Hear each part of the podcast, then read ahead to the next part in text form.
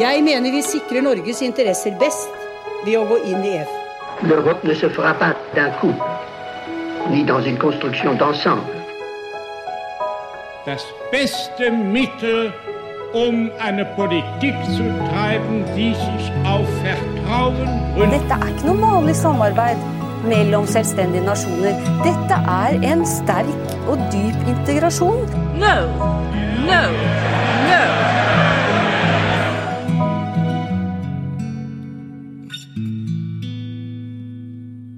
Velkommen til Det europeiske kvarter, en podkast om europeisk politikk og historie, med meg, Kristine Graneng. Og meg, Lise Rye. Og vi jobber på programmet for europastudier på NTNU. Vi skal snakke om Europaparlamentet, Lise. Ja, det skal vi. Vi forbereder oss til valget neste vår. Og så tenkte vi at da må vi ha en slags Europaparlamentet 1, 2, 3. Ja. Fordi jeg husker veldig godt eh, fra det forrige europaparlamentsvalget, så var det en sånn meme som gikk på, på Twitter der det sto at uh, uff, det EU-systemet, valget til Europaparlamentet, er altfor vanskelig å, å sette seg inn i. Men samtidig så, så kom det en sånn lang eh, utredning om hvordan det amerikanske valgsystemet fungerte. Og sånn kan vi jo ikke ha det. Vi må jo vite hvordan europeisk politikk fungerer. Vi kan i hvert fall gjøre et godt forsøk. Og for å gjøre det, så har vi med oss en ekspert på Europaparlamentet. Bjørn Høiland, professor i statsvitenskap på Universitetet i Oslo. Velkommen til oss, Bjørn. Takk. Før vi starta innspillinga av denne episoden, så snakka vi nettopp det om at, om at Europaparlamentet er veldig spennende å se på, som faglig. Eh, kan ikke du fortelle litt om hvorfor du er så interessert i nettopp Europaparlamentet i forskninga di? Ja, altså, jeg har vært interessert i EU helt siden jeg var liten. Jeg er fascinert med landbrukspolitikken tidlig 80-tall, så gikk jeg litt av, av, av skinnene Jeg husker en reportasje om eh, en store fjell av smør. Og da jeg var liten, så var jeg veldig eh, glad i smør. Så jeg syntes dette var et fascinerende system der en kunne produsere de store fjellene av smør. Eh, og så seinere, eh, så med eh, Maastricht-avtalen så ble jeg veldig interessert i eh, politiske systemer. Var med i europeisk prøvde å få Norge inn i EU. og der så jeg vokste opp, var det kanskje meg og en, en annen som var for EU.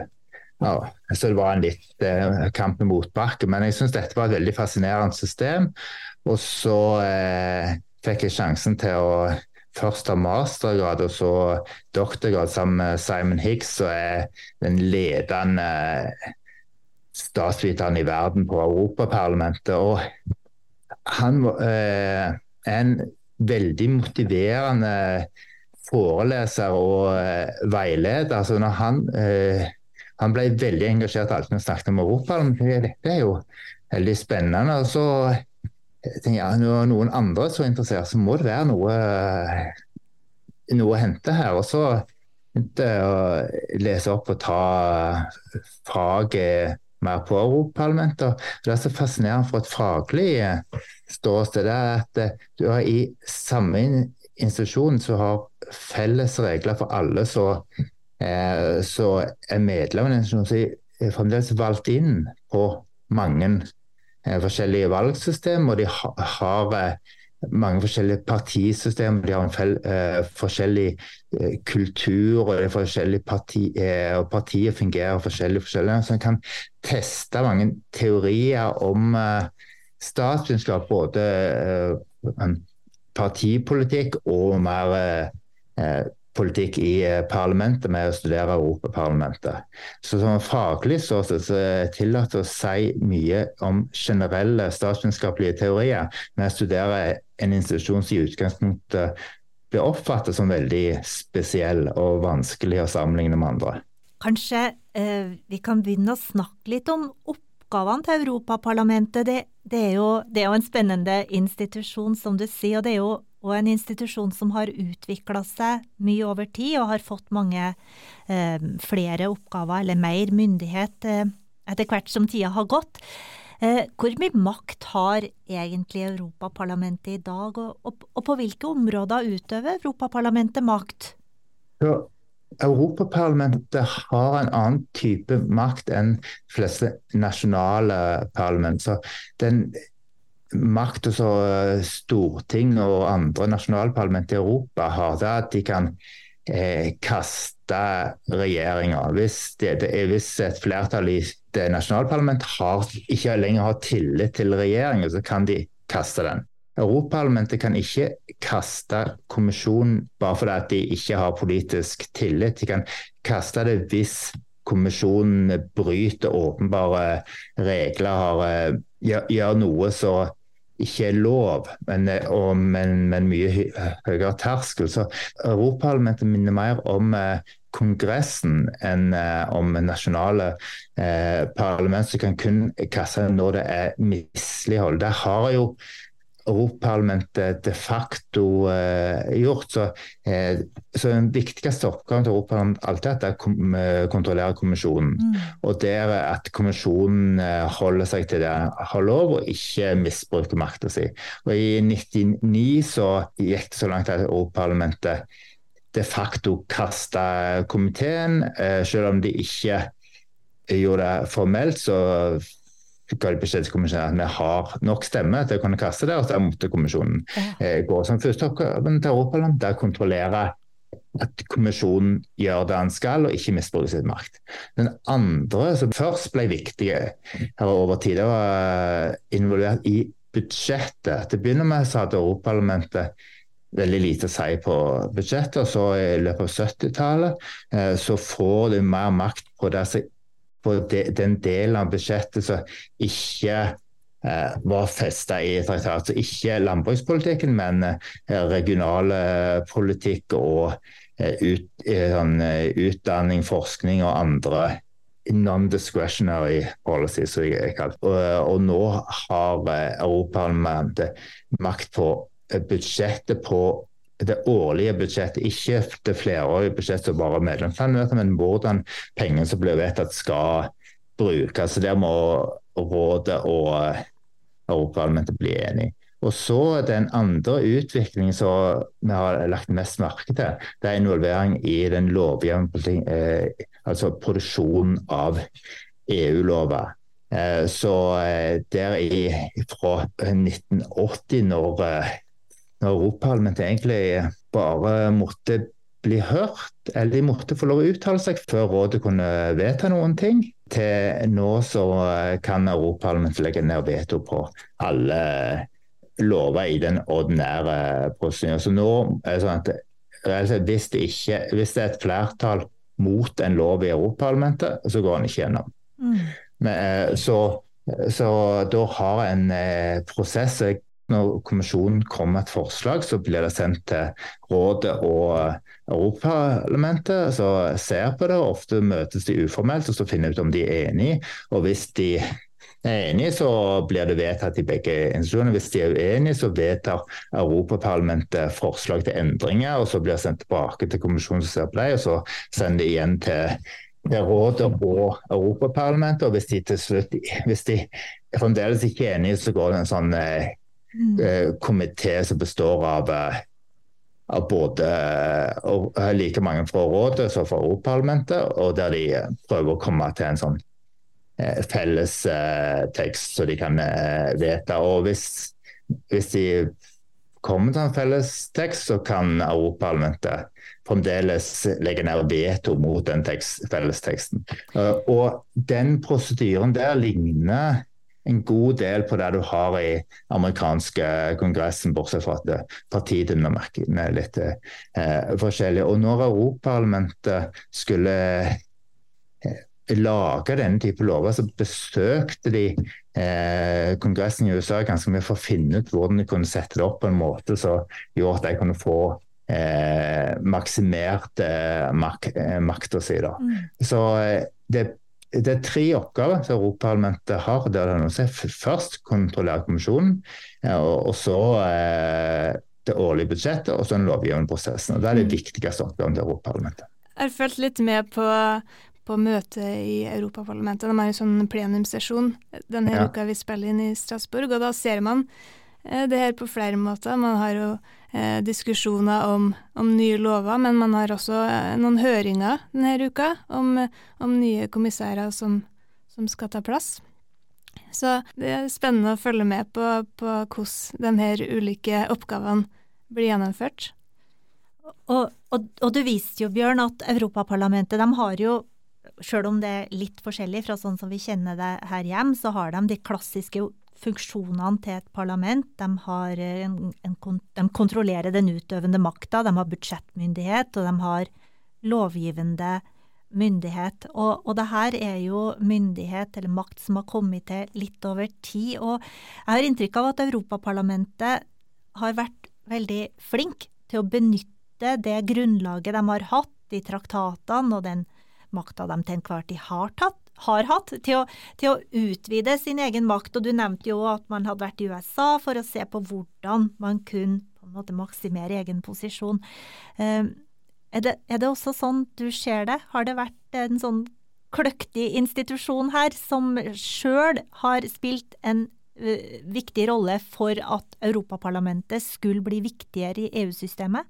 fra tidlige 70-tall hadde du en gruppe av eh, parlamentarikere som ønskte å eh, styrke parlamentet og eh, satsinger, jobbet fram eh, strategier. Så når, når de da blir eh, og en Først ikke bare bli direkte valgt, for da det gir oss mer legitimitet og det gir oss også mer profesjonalisering.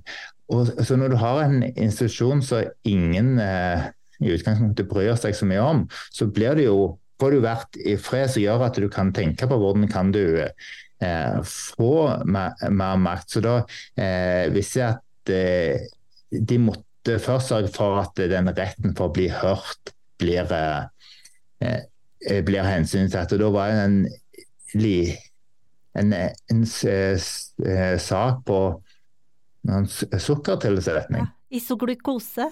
Ja, så de da eh, tok eh, rådet bare vedtar for Europaparlamentet har eh, nylig blitt valgt og har og det, det, er ikke vits for deg å på det.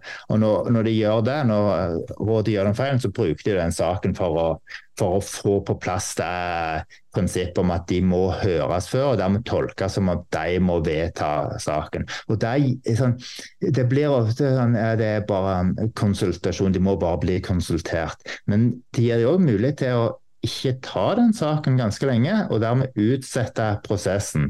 Så hvis du ønsker å ha mer, eh, ha mer europeiske lover, så det er at du kan utsette noe, gir deg jo ikke så veldig mye makt.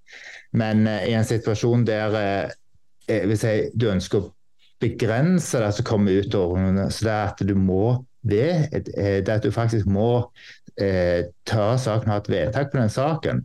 Kan jo være imot, du kan uttale kritisk, men at du må gjøre noe.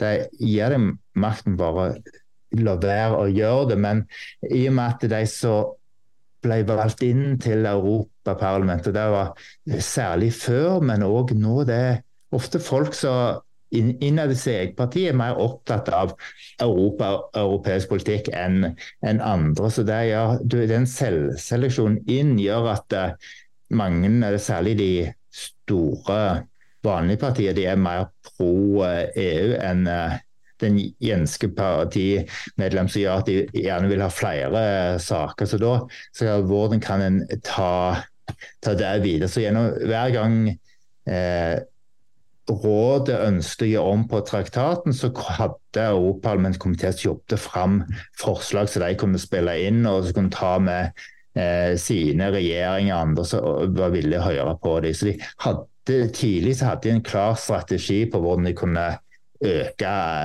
øke makta si. Og når de fikk litt makt, så, brukte, så tolka de det maksimalistiske og prøvde å finne en måte så de kunne Eh, så de kunne styrke eh, den enda mer. Og av og til så for foregner Europaparlamentet seg. Som, som, regel så har Europaparlamentet prøvd å tenke ganske nøye gjennom hvordan de kan endre prosedyrene. og det er, det, det er ofte på ting som de fleste medlemslandene ikke ser på som viktig. Hvis medlemslandet, Når medlemslandet ser på noe som viktig, så klarer ikke Europaparlamentet tvinge gjennom eh, endringer i prosedyrene. Men når det er på aspekt som ikke er prioritert i særlig høy grad av, av medlemslandet, så er dette ting som er mye lettere å få til. Det har vært et kreativt parlament. Ja, Så det handler om at de på en måte har de har leita veldig aktivt etter muligheter til å øke egen makt, ja. helt til de i dag da har, har kommet i en posisjon der de er, ja, har de her oppgavene som, som du snakka om først. De er en del av den ordinære ja. bestemmelseslovgivningsprosedyren i EU. De har budsjettmakt osv. En plass der dette jo har gått galt, det er jo på den eh, spitsenkandidaten til at Europaparlamentet kunne velge presidenten i, i rådet. Det er jo sånn de tolker Lisbon. Eh, traktaten. Det til første gang, for de valgte en som var eh, God, Godtatt av medlemslandene? Ja, som var godtatt av, av medlemslandene. Men eh, men når de prøvde igjen i 2019, så, var, så hadde de ikke noen kandidater altså, med mye erfaring fra rådet, og dermed så, så falt det eh, litt igjen. Der overspilte de nok, eh, sier han. og det, det, det blir jo spennende nå til neste år å se om, om de kommer opp med en kandidat som faktisk eh, har de egenskapene som skal til for at rådet kan akseptere han. Så det er en eh, stadig balanse Europa eh, presser så langt de klarer med, og av og til presser litt for mye. Det er jo sånn at eh, Europaparlamentet har blitt en institusjon som skal representere innbyggerne i EU. Det er jo, har vært direktevalgt til Europaparlamentet siden 1979. Men hvordan fungerer det i, i praksis, Bjørn? Og vi skal ikke snakke altfor mye om, om valgsystemet og sånn, eh, det tror jeg vi må ha en egen episode for å gjøre. Men i veldig korte trekk, hvordan, hvordan er det denne prosessen fungerer? Det, det er eh, valg i hver enkelt medlemsland. og eh, til å begynne med så var det hver enkelt medlemsland som hadde sine egne valglover helt tilfeldig. Nå er, De må ha proporsjonale valg, men innad i der så kan de velge mye selv, som gjør at det, eh, i praksis så varierer hvordan hvert eh, hvordan medlem for hvert land blir valgt inn. Det, eh, varierer, bortsett fra at det er en viss proporsjonalitet. Så det er nasjonale partier som stiller til valg. Mm. Men nasjonale og, program? Ja, ja, de har eh, sånn, De europeiske partigruppene lager program, men, det, men eh, nasjonale partier jo, kan kjempe for sine saker og, og kan eh, fremme det de ønsker. Men ofte vi jo ser det at europaparlamentsvalget, litt sånn som kommune- og fylkestingvalg, det blir brukt som en til å si om du er fornøyd med det som regjeringa gjør eller ikke. Eh, så ofte så stemmer jo folk mye mer på om de er fornøyd med nasjonal regjering eller ikke. Og da de som akkurat har blitt Det er regjeringen som gjør det bra, deres parti vil også gjøre det bra i Europa. Men typisk er det at hvis det er midt i en eh, nasjonal syklus, så gjør du ganske dårlig i forhold til hvis det er rett før eh, ditt eget nasjonalvalg eller rett etter. Men eh, når de kommer til Europaparlamentet, så det er det du gjør eh, første, første tid, det er å finne ut hvilke europeisk partigruppe ditt parti skal bli med i. Så For noen for sosialdemokrater så er det veldig enkelt. De blir med i, eh, eh, gruppe for europeiske sosialdemokrater. For kristelige demokrater så er det også som regel veldig enkelt. For liberale så har du også partier. Så er det noen parti der de er litt usikre og litt forhandlinger, og så er det så kan eksistere nasjonalparti legge ned veto mot andre partier for det eget land skal få komme inn. Mm. Du var jo litt inn på det i stad, Bjørn, at, eh, at europaparlamentarikere ofte er mer opptatt av Europa enn en, uh, politikere ja. flest. Og det ser man jo også i de her partigruppene, ikke sant. Man har jo en del partigrupper som har en veldig tydelig euroskeptisk profil, f.eks. Man har partigrupper som, som, svarer mer til det enn man kanskje ville, hatt, uh, ville sett nasjonalt? Ja, for dette, dette har jo vært en arena som protestpartier kunne bygge opp sin posisjon ofte fordi at regjeringspartiet og de store partiene gjør det dårligere i de nasjonale valg. og Da har de kommet inn og kunne etablere seg og få mer støtte. og Da kunne deres prominente medlemmer da kan faktisk være heltidspolitikere i Europaparlamentet. Kjemper men argumenterer mot eh, europeisk integrasjon. og da, eh, de, For mange av dem så er jo ikke, så er jo ikke poenget å eh, eh, verken styrke makta til Europaparlamentet eller, eller, få til mer europeisk interaksjon, men faktisk heller stoppe det. Og Da er det noen som tenker at de kan være Noen som er med som å være konstruktive, men eh, trekke det i eh, i trekke i retning som begrenser overnasjonaliteten. Og så det andre som bare ønsker å boikotte. Og og en tredje gruppe som bare ønsker å ødelegge så mye som mulig. F.eks. de prøver å stille så mye spørsmål og avbryte andre. og og kom, eh, be om eh, voteringer på veldig mange eh, mindre aspekt av eh, lov, bare for å trenere eh, sakene. Men der har jo eh, Europa, ledelsen i Europaparlamentet gjort endringer i hva, hva som er lov, for å begrense denne, denne muligheten for de euroskeptiske til å stoppe Europaparlamentet fra å fungere. altså så de eh, får jo vise seg fram, men de store partigruppene, de fleste medlemmer av Europaparlamentet, er jo ikke euroskeptiske. Mm. Det er jo heller kommer fra de ordinære større partier og, og er nok minst like pro eh, Europa som den jenske medlem fra det, det partiet. Mm. Du, de her partigruppene er jo eh, som en slags koalisjoner, fordi man har jo eh, du, du, sier jo, eh, Bjørn, at det er jo noen partier som er enklere for å finne fram til en partigruppe enn andre, men, men likevel så er det jo ganske store Det er jo forskjeller på de partiene som er medlem i de her grupperingene, også i, i de større gruppene som eh, EPP, som er den konservative gruppa, og SOD, som er den eh, gruppa for sosialister og demokrater, som de kaller seg. Eh, og du har jo annet sett på, på hvor samla de her partiene innad i gruppene eh, står når de stemmer, ikke sant? Hvordan ser det ut? Hvor samla er de egentlig? Som regel i de fleste sakene som kommer til så stemmer eh, sosialdemokrater med andre sosialdemokrater, kristeligdemokrater med andre eh, kristeligdemokrater. De to partiene er veldig samstemte. Eh, og, og så har du de liberal, der det er noe mindre samstemt. Så har du han, de høyrepopulistene der ser at det ikke like ofte stemmer sammen, men de prøver heller ikke å få medlemmene sine til å stemme sammen. Eh, mens eh, det er jo så Men, men hvis medlemmer i Europa, medlemmer av f.eks. EPP er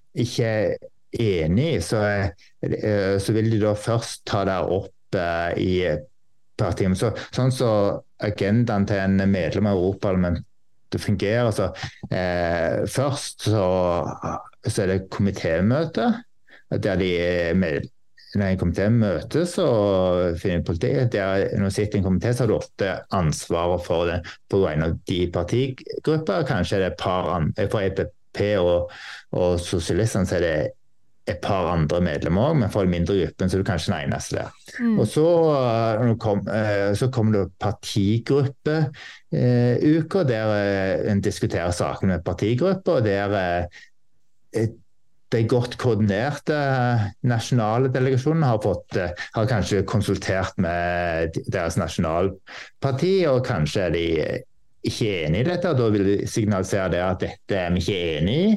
Og, og er dette om problemet. Så, så hvis de ikke klarer å eh, finne et godt kompromiss, så og det kom til avstemning, så vil de eh, stemme eh, mot det. Men så, som regel De kan stemme mot, men som regel så er majoriteten i antallet ja-stemmer i forhold til antall nei-stemmer. veldig Ofte så er det veldig stor forskjell der.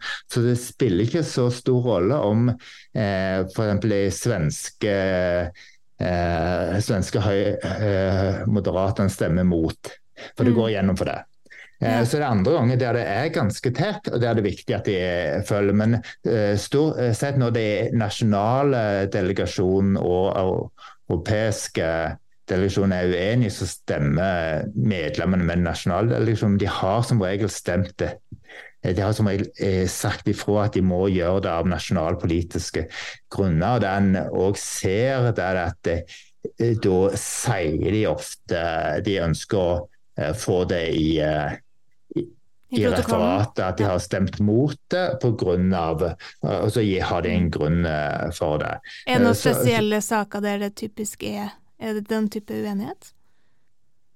Det kommer jo litt an på partigruppen, men når det er sånn tydelig sånn verdispørsmål, så, kan, så er det jo tydelig nasjonale interesser. Det er noen, noen saker så det vil være vanskelig for for f.eks. tyske sosialdemokrater og stemmer uttalelser om om EMU og støtten til Sør-Europa og, og den type sak der det vil være Der det av innenrikspolitiske grunner så måtte de være kritiske. Så du har, du har sånn det er noen saker som blir viktige på den nasjonale arena. Da eh, vil ikke nøyaktig hva som gjør at det skiller det kan jo variere mye, men det er typisk når det er noe som det er bred enighet om, enighet om nasjonalt, og de frykter at eh, de andre partiene kan bruke mot deg i nasjonal politikk, enten, enten, i neste valg til Europaparlamentet, men særlig i neste valg i, uh, til nasjonalparlament. Da, da, vil de være mot. Du ønsker ikke, å, du ønsker ikke å gi eh, motstanderen din en god grunn til eh, en lettvint eh, argument som kan bruke mot deg. Så, så det, da kommer den nasjonale politikken ofte inn i det.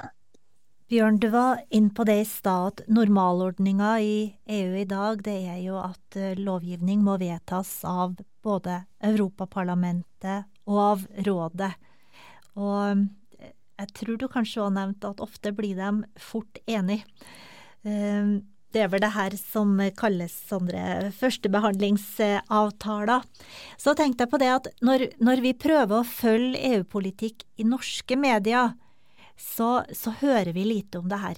Vi får eh, Det dekkes gjerne av, eh, av mediene når kommisjonen kommer med forslag til ny politikk, og vi hører ofte om hva som er vedtatt, og det her er vel en dekning som sikkert speiler den norske tilknytninga og det faktum at uh, selve at man ikke deltar? Ja, vi deltar ikke ja. i beslutningsprosessen. Vi kan påvirke forslag, og vi må forholde oss til vedtak, men vi, eh, beslutningsprosessen er, er, stengt for oss. Men, men, hvordan foregår den egentlig? Kan du si litt kort om det, og kanskje enda mer om hvor transparent er de her prosessene? Er de lett å følge med på?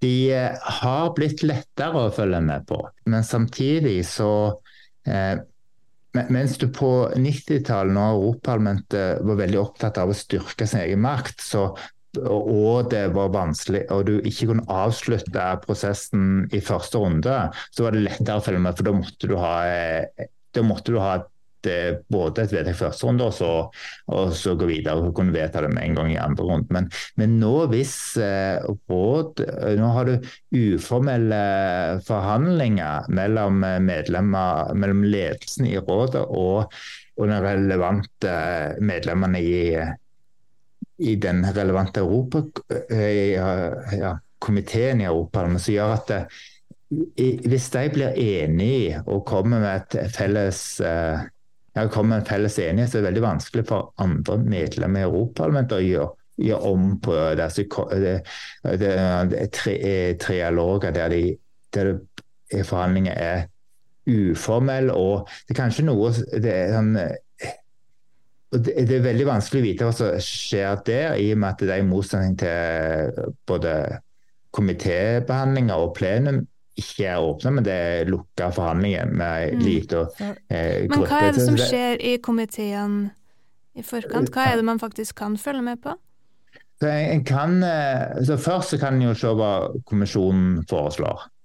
En kan se hvilke interessegrupper som kommer med innspill på høringer, og uh, hvor, hvor aktive de er. Så Eh, og så kan en se hva som kommer til komiteen. Det så, vet, men ofte så det, det som er vanskelig, det er å se utover å komme med innspill hvor mye innflytelse har ulike interessegrupper. Og det, Der har du jo sånn lobbyregister eh, som fungerer til en viss grad, der vi ser at de særlig store tech-selskaper bruker veldig mye ressurser, har veldig god tilgang både til Europaparlamentet og og, til kommisjonen. Eh, så sånn, prosesser, eh, Det er mange som er ganske skeptiske til eh, den utviklingen der de aller fleste lovene blir vedtatt i første runde.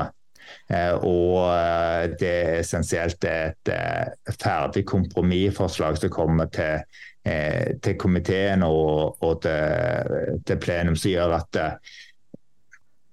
ja, Fordi man vet ikke helt hva som ligger bak de her beslutningene? Nei, og en vet ikke helt hvor uh, den, For de her, de her triologene ja, sånn, En vet jo ikke hvor, hvor mye mer uh, Europaparlamentet kanskje kunne presse, eh, presse, rådet på en del detaljer. og sånn, I og med at du ikke har en sånn første eh, steg der det er ty tydelig uenighet. Altså, eh, så det har blitt mye mer lukka på grunn, og Det er kanskje også en funksjon at, Europa, at EU har blitt større, som har gjort at det er vanskeligere å, å forhandle i, i i det, i det åpne sier at det, det å ha, et, eh, ha uformelle møter fungerer eh, bedre. Men så det, store problemet er at det kom et kompromissforslag i eh, første runde, og så blir det vedtatt. Uten det at de får en stor diskusjon rundt det. Systemet har blitt eh, mer effektivt, men mindre transparent? Ja. Det er blitt veldig mye mer effektivt. Ja. Det har kanskje litt med de her eh, mange krisene som EU har stått i, at det her behovet for å handle raskt har blitt sterkt? Ja, sånn, dette er en ren funksjon av eh, hvordan de reformerte en medbestemmelsesprosedyren i, eh, i Amsterdam, som åpna opp for at du kunne bli enig i første, periode, eh, første runde. Og, og så eh, løste problemet med at det tok veldig lang, eh, lang tid å bli enig. Men det, det tar fremdeles, sånn, fremdeles så kan eh, rådet sitte lenge og ikke ta en beslutning. Eh, som gjør at eh, ting, ting, kan dra ut i veldig lang tid hvis det ikke er et kvalifisert flertall i rådet til å gå, eh, til å gå videre. Eh, og så når de endelig går videre, så ja, Hvis det er det kompromiss, så er det vanskelig for folk utenfor å se hva som faktisk har, eh, har, skjedd. Men det er i alle politiske system er en avveining mellom eh, åpenhet og transparent og beslutningseffektivitet. Mm. Jeg så et sted at uh, nesten, nesten all, all, eh, alle vedtak eh, fattes i dag eh, etter første behandling. Eller i forrige periode da, i Europaparlamentet, fra 2014 til 2019, så ble 89% av vedtakene fatta etter en sånn første, behandling. Og det er jo veldig, veldig mye. Det har jo blitt, virkelig blitt en sånn normalordning. Ja, det er, det er et problem for uh for gode demokratiske prosesser der eh, andre enn de eh, sterkeste interessegruppene kan involveres. Men hvis man er interessert da, Bjørn, i å finne ut av hvor de politiske konfliktene i Europaparlamentet ligger, og, og hva eh, Europaparlamentet mer samla ønsker å få til. Hva er det man skal se på da? En, en kan jo fremdeles se på debattene, og så kan en se på hva de eh, stemmer over. Og så er det òg noen som ser på hvem eh, er det medlemmer i Europaparlamentet treffer. Eh, mm. hvilke interessegrupper har de møte med? Altså, eh, så det, det, er vel de tre eh, linjene en kan finne ut av hva, hva for Europaparlamentet de kan jo stemme ulovlig, de kan også ha, ha, debatter rundt det som blir diskutert. Men det er vanskelig å eh, finne nøyaktig hva, hva som skjer i de eh, tre lagene, hvilke interesser fra Europaparlamentet som godt eh, som faktisk har fått eh, gjennomslag. Og enda viktigere hvilke interesser i samfunnet får, eh, får gjennomslag. Men, men, heldigvis så ser en jo eh, saker som blir kontroversielle, der det, stor, der det blir eh, oppmerksomhet rundt det, så, eh, så, går det jo videre. Så blir det mer involvering av eh, andre interesser enn bare de eh, største selskapene. Som f.eks. gjennom eh, AI-regulering. Så, så, så, skjer det jo ja, så, ser, ja, så skjer det jo at at et større spekter av interesse kommer på banen, og en får mer diskusjon om det i Europaparlamentet. Mm, også større mediedekning. Ja, og større mediedekning. Mm. Grunnen til at vi snakker en del om Europaparlamentet i denne sesongen av podkasten, det er jo at det nærmer seg valg eh, til Europaparlamentet i juni neste år. Og merker man det, Bjørn, på arbeid i Europaparlamentet nå? Ja, så vi eh, har jo et EU-kurs på eh, også hos oss. Da I vår så hadde vi eh, en, da var det Sverige som hadde presidentskapet, så da var den svenske ambassadøren på besøk hos oss. Og hun, eh, hun, sa at ja, det, ikke, det ikke blir gjort in, i vår periode, der får vi ikke Det kommer ikke til Eh, komme igjennom. For uh, nå begynner Europaparlamentet å innstille seg på nytt valg, og en skal ha en ny kom kommisjon. og, og dette må plass. Så det som jo skjer, er at det, nå må jo medlemmene som skal ønske å stille, det må jo avklare det med sine nasjonale parti. Og så har du jo partigruppekongressene der de europeiske prøver å finne deres eh, hovedkandidater, hvem, eh, hvem, som skal være deres ledende eh, kandidat eh, i Europaparlamentet. Og så etter eh, Utover våren så er det jo eh, mer valgkamper.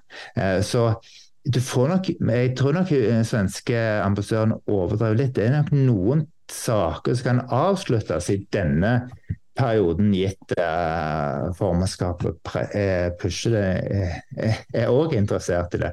Men når du kommer på andre sida av jul, så er det veldig mye fokus på, på valg. og Det en ser i siste seks månedene tidligere, det er at antall saker som kommer opp, antall, antall saker som blir stemt over, der, der faller veldig, veldig mye. Og, så så, så, eh, jeg ser at aktiviteten i parlamentet går, går ned, særlig tydelig etter jul. Mens mm. nå posisjonerer seg jo noen som vet de ikke kommer til å bli gjenvalgt, og andre som vet at de skal stille til valg. Hva handler det om? At de ikke vil åpne kontroversielle saker? At de ikke vil åpne saker som de ikke klarer å, å lande før valget? Er, det riktig? Ja, det, det er en, eh, et viktig aspekt. Så, eh, sånn, eh, så det som kommisjonen ikke har satt i gang og fått eh, og fått et eh, kompromiss og et eh, tydelig flertall, det kan de egentlig gi opp. Så, så, nå er det bare snakk om å klare å gi ferdig, gjøre ferdig det en kommet ganske langt på. Mm. Og så en, sak, eh, en sånn sak som henger, som ofte ja, som ble nevnt eh, senest jeg, jeg, jeg så um, Margarete Schinas, eh, visepresidenten i kommisjonen, snakke om EU sin asyl- og migrasjonspakt. Den poengterte veldig hvor viktig det er å få ferdig det før valget neste år. Så det er jo et eksempel på en sånn sak som det veldig, ligger veldig prestisje i å få fullført før valget. Så man har jo Det er kanskje den som er den tydeligste eh, sånne saken. Jeg vet ikke om det er flere som liksom henger som man virkelig prøver å, å bli ferdig med til, til valget. Ja, eh, du har jo den AI Act. Du har eh, en del eh, saker knytta til den ambisiøse klima- og politikken til, til konvensjonen, som de jo ikke har, ja, ikke har fått til fulle. Men det, det er vanskelig å se hvordan de skal klare å få igjennom ting som de så de i de siste fire årene ikke har klart å, å pushe gjennom. Men, ja, er, og, men når visepresident går ut og signaliserer at det er veldig viktig å få til, jeg er ikke sikker på om det gjør det lettere eller vanskeligere å få det gjennom. altså. Nei, det er sant. For dette, dette er jo en sak som er egnet til å mobilisere velgere. Mm. Særlig blant de euroskeptiske og innvandringskritiske eh, partier. Og så den, den deler av asylpolitikken til EU er òg i tillegg kritisert av venstre eh, venstresida for å være eh, særdeles inhuman med avtalene som er inngått med flere land i, eh, Nord-Afrika for å insentivere de til å redusere båtflyktningene. Så det er en tematikk som jo det splitter både høyre og venstre, og splitter også mellom land. For en, det er bare å se på kartet, så ser du jo hvor flyktningstrømmen kommer. Så, eh, så, så, det er en Ja. Det er ingen det er, enkel sak. Viktig å, det er nok viktig å bli enig, men jeg tror ikke det blir lett. Nei. Vi skal snakke mer om Europaparlamentet utover høsten òg, men tusen takk, Bjørn. Det har vært en skikkelig fin eh, innføring. I, og det har åpna en del spørsmål som vi må se nærmere på. Du nevnte jo bl.a. Nels Spitzen-kandidatprosessen, som, som eh, jeg syns er veldig interessant å, å snakke om. Det, det, må vi plukke opp seinere. Men tusen takk for nå. Det var kjempekjekt. Ja, veldig hyggelig å være med. Og takk til dere som hører på også. Eh, dere må gjerne fortelle andre om denne podkasten, og, og følg Facebook-sida vår. Og vi har også en Instagram-profil. Det europeiske kvarter, der finner dere oss. Det gjør dere.